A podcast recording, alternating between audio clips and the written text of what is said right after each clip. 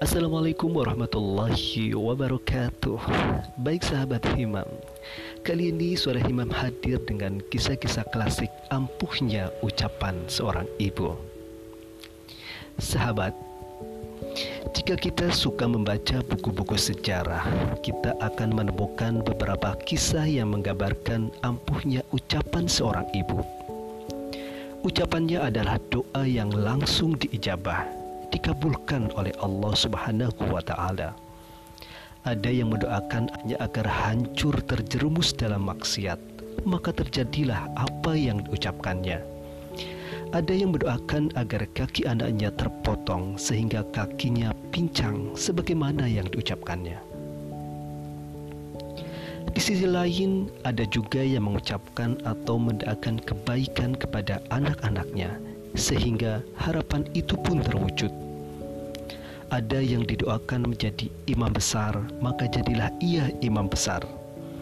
Ada yang didoakan menjadi ahli hadis, maka ia pun menjadi rujukan utama dalam masalah hadis.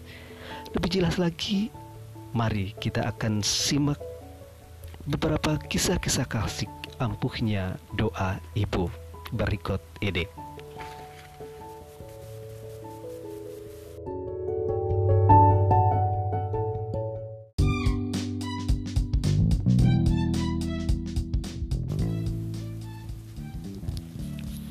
Abu Hurairah radhiyallahu anhu Abu Hurairah adalah salah seorang sahabat yang banyak meriwayatkan hadis. Tingkatannya berada di atas Aisyah, Abdullah bin Umar dan para perawi lainnya. Padahal usia keislamannya jauh lebih muda.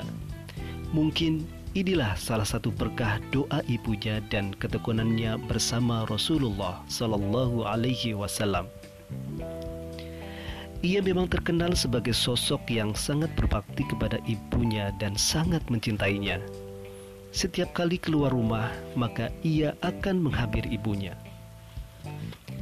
Ibu, Assalamualaikum warahmatullahi wabarakatuh. Ibunya menjawab, Waalaikumsalam warahmatullahi wabarakatuh, anakku. Ia berkata, Semoga Allah Subhanahu wa Ta'ala menyayangimu sebagaimana engkau menyayangiku di waktu kecil. Ya, semoga Allah Subhanahu wa Ta'ala menyayangimu sebagaimana engkau berbakti dan berbuat baik kepadaku saat dewasa. Itulah salah satu rutinitas yang selalu dijalankan oleh Abu Hurairah radhiyallahu anhu dalam menjalani kehidupannya sehari-hari. Mungkin Doa inilah yang membuatnya selalu diingat sampai akhir zaman kelak.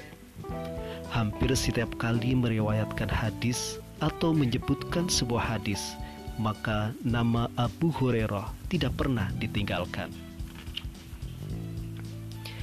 Namanya diabadikan oleh Allah Subhanahu wa taala dalam lisan kaum muslimin sehingga umur sejarahnya jauh melampaui umur biologisnya.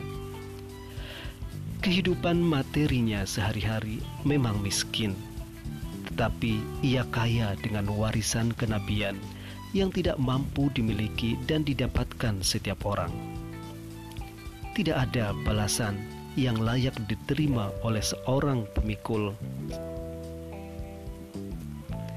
Tidak ada balasan yang layak diterima oleh seorang pemikul sunnah kecuali surga Allah Subhanahu wa Ta'ala.